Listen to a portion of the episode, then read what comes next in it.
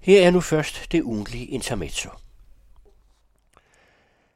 I radioens morgenflade advarede verden og præsenterede et indslag om de obduktionsmæssige problemer i forbindelse med jordskælvskatastrofen i Tyrkiet og Syrien. Det kan blive slemt, mente hun, og anbefalede sart i sjæle at lukke. Men hvad skal man lukke, når man hører sådan noget?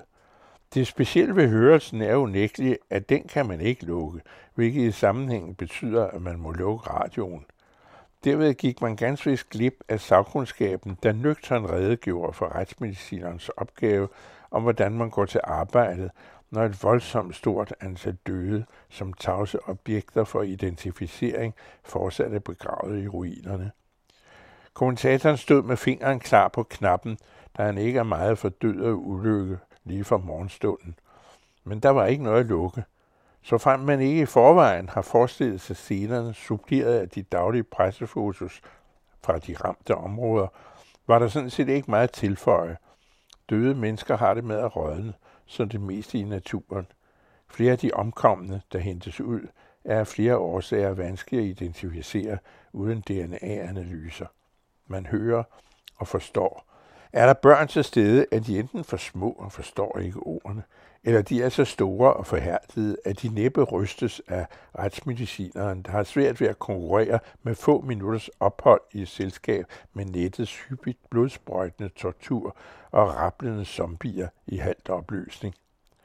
Med andre ord var advarslen mod, hvad der nu ville blive sagt om obduktion og katastrofeoffer, utvivlsomt velment, men ude af trit med den saglighed, radioen faktisk leverede.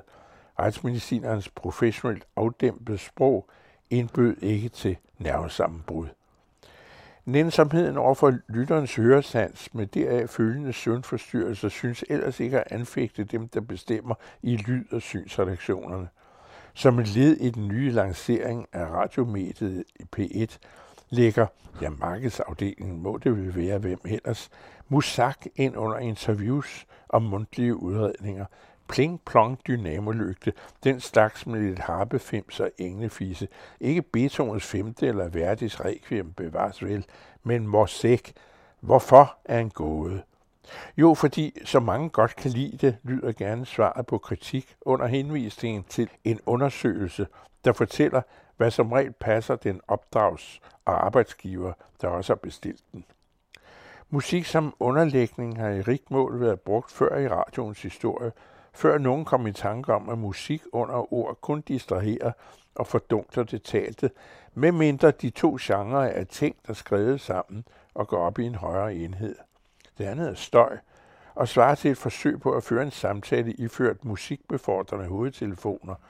Det kan godt lade sig gøre, men bliver derefter.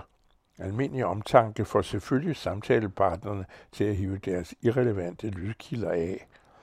Musakken er en plagierende gammel opfindelse, som en flad tallerken til suppe, nu vendt tilbage i nostalgiske mareridt med ambitioner om at overdøve sig selv og tilsukke virkeligheden.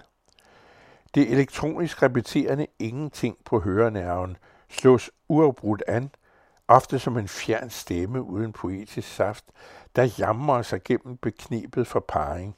Baby, baby vil have det inden lukketid på hylden i Coop med agurkesalat og brune bønner i den forløsning, som musakken lige præcis aldrig kan give, da den så vil blive sat i stå. Og det kan ikke nytte noget. Der er penge i lortet, som man siger. Det forbandede med lyd og radio i modsætning til synet og tv er sandt som sagt høresansens naturbetingede reflektoriske karakter – man kan ikke lukke for ørerne, men må slukke elektronikken. Gør man det på opfordring, risikerer lytteren efter de kritiske øjeblikke, at kun vejrudsigten er tilbage.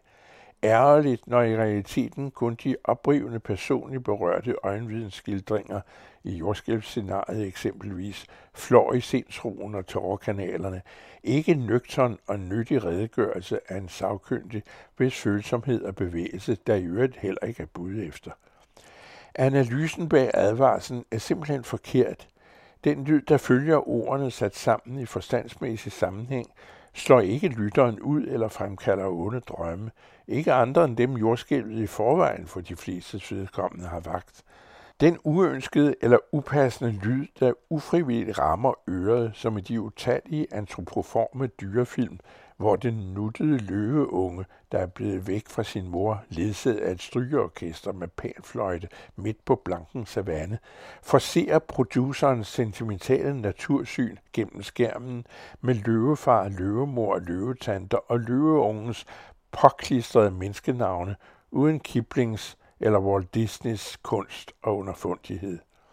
Bevæggrunden bag lydmanipulationer og advarsel af den ene eller anden art er angsten for at kede de restløse sabber og støde de parate til at blive stødt, med det resultat, at de tænksomme keder sig, bliver stødt, sabber og slukker. Intermezzo med Geomets til at høre hver uge her på den anden radio og fast som fredagsklumme i Dagbladet Information.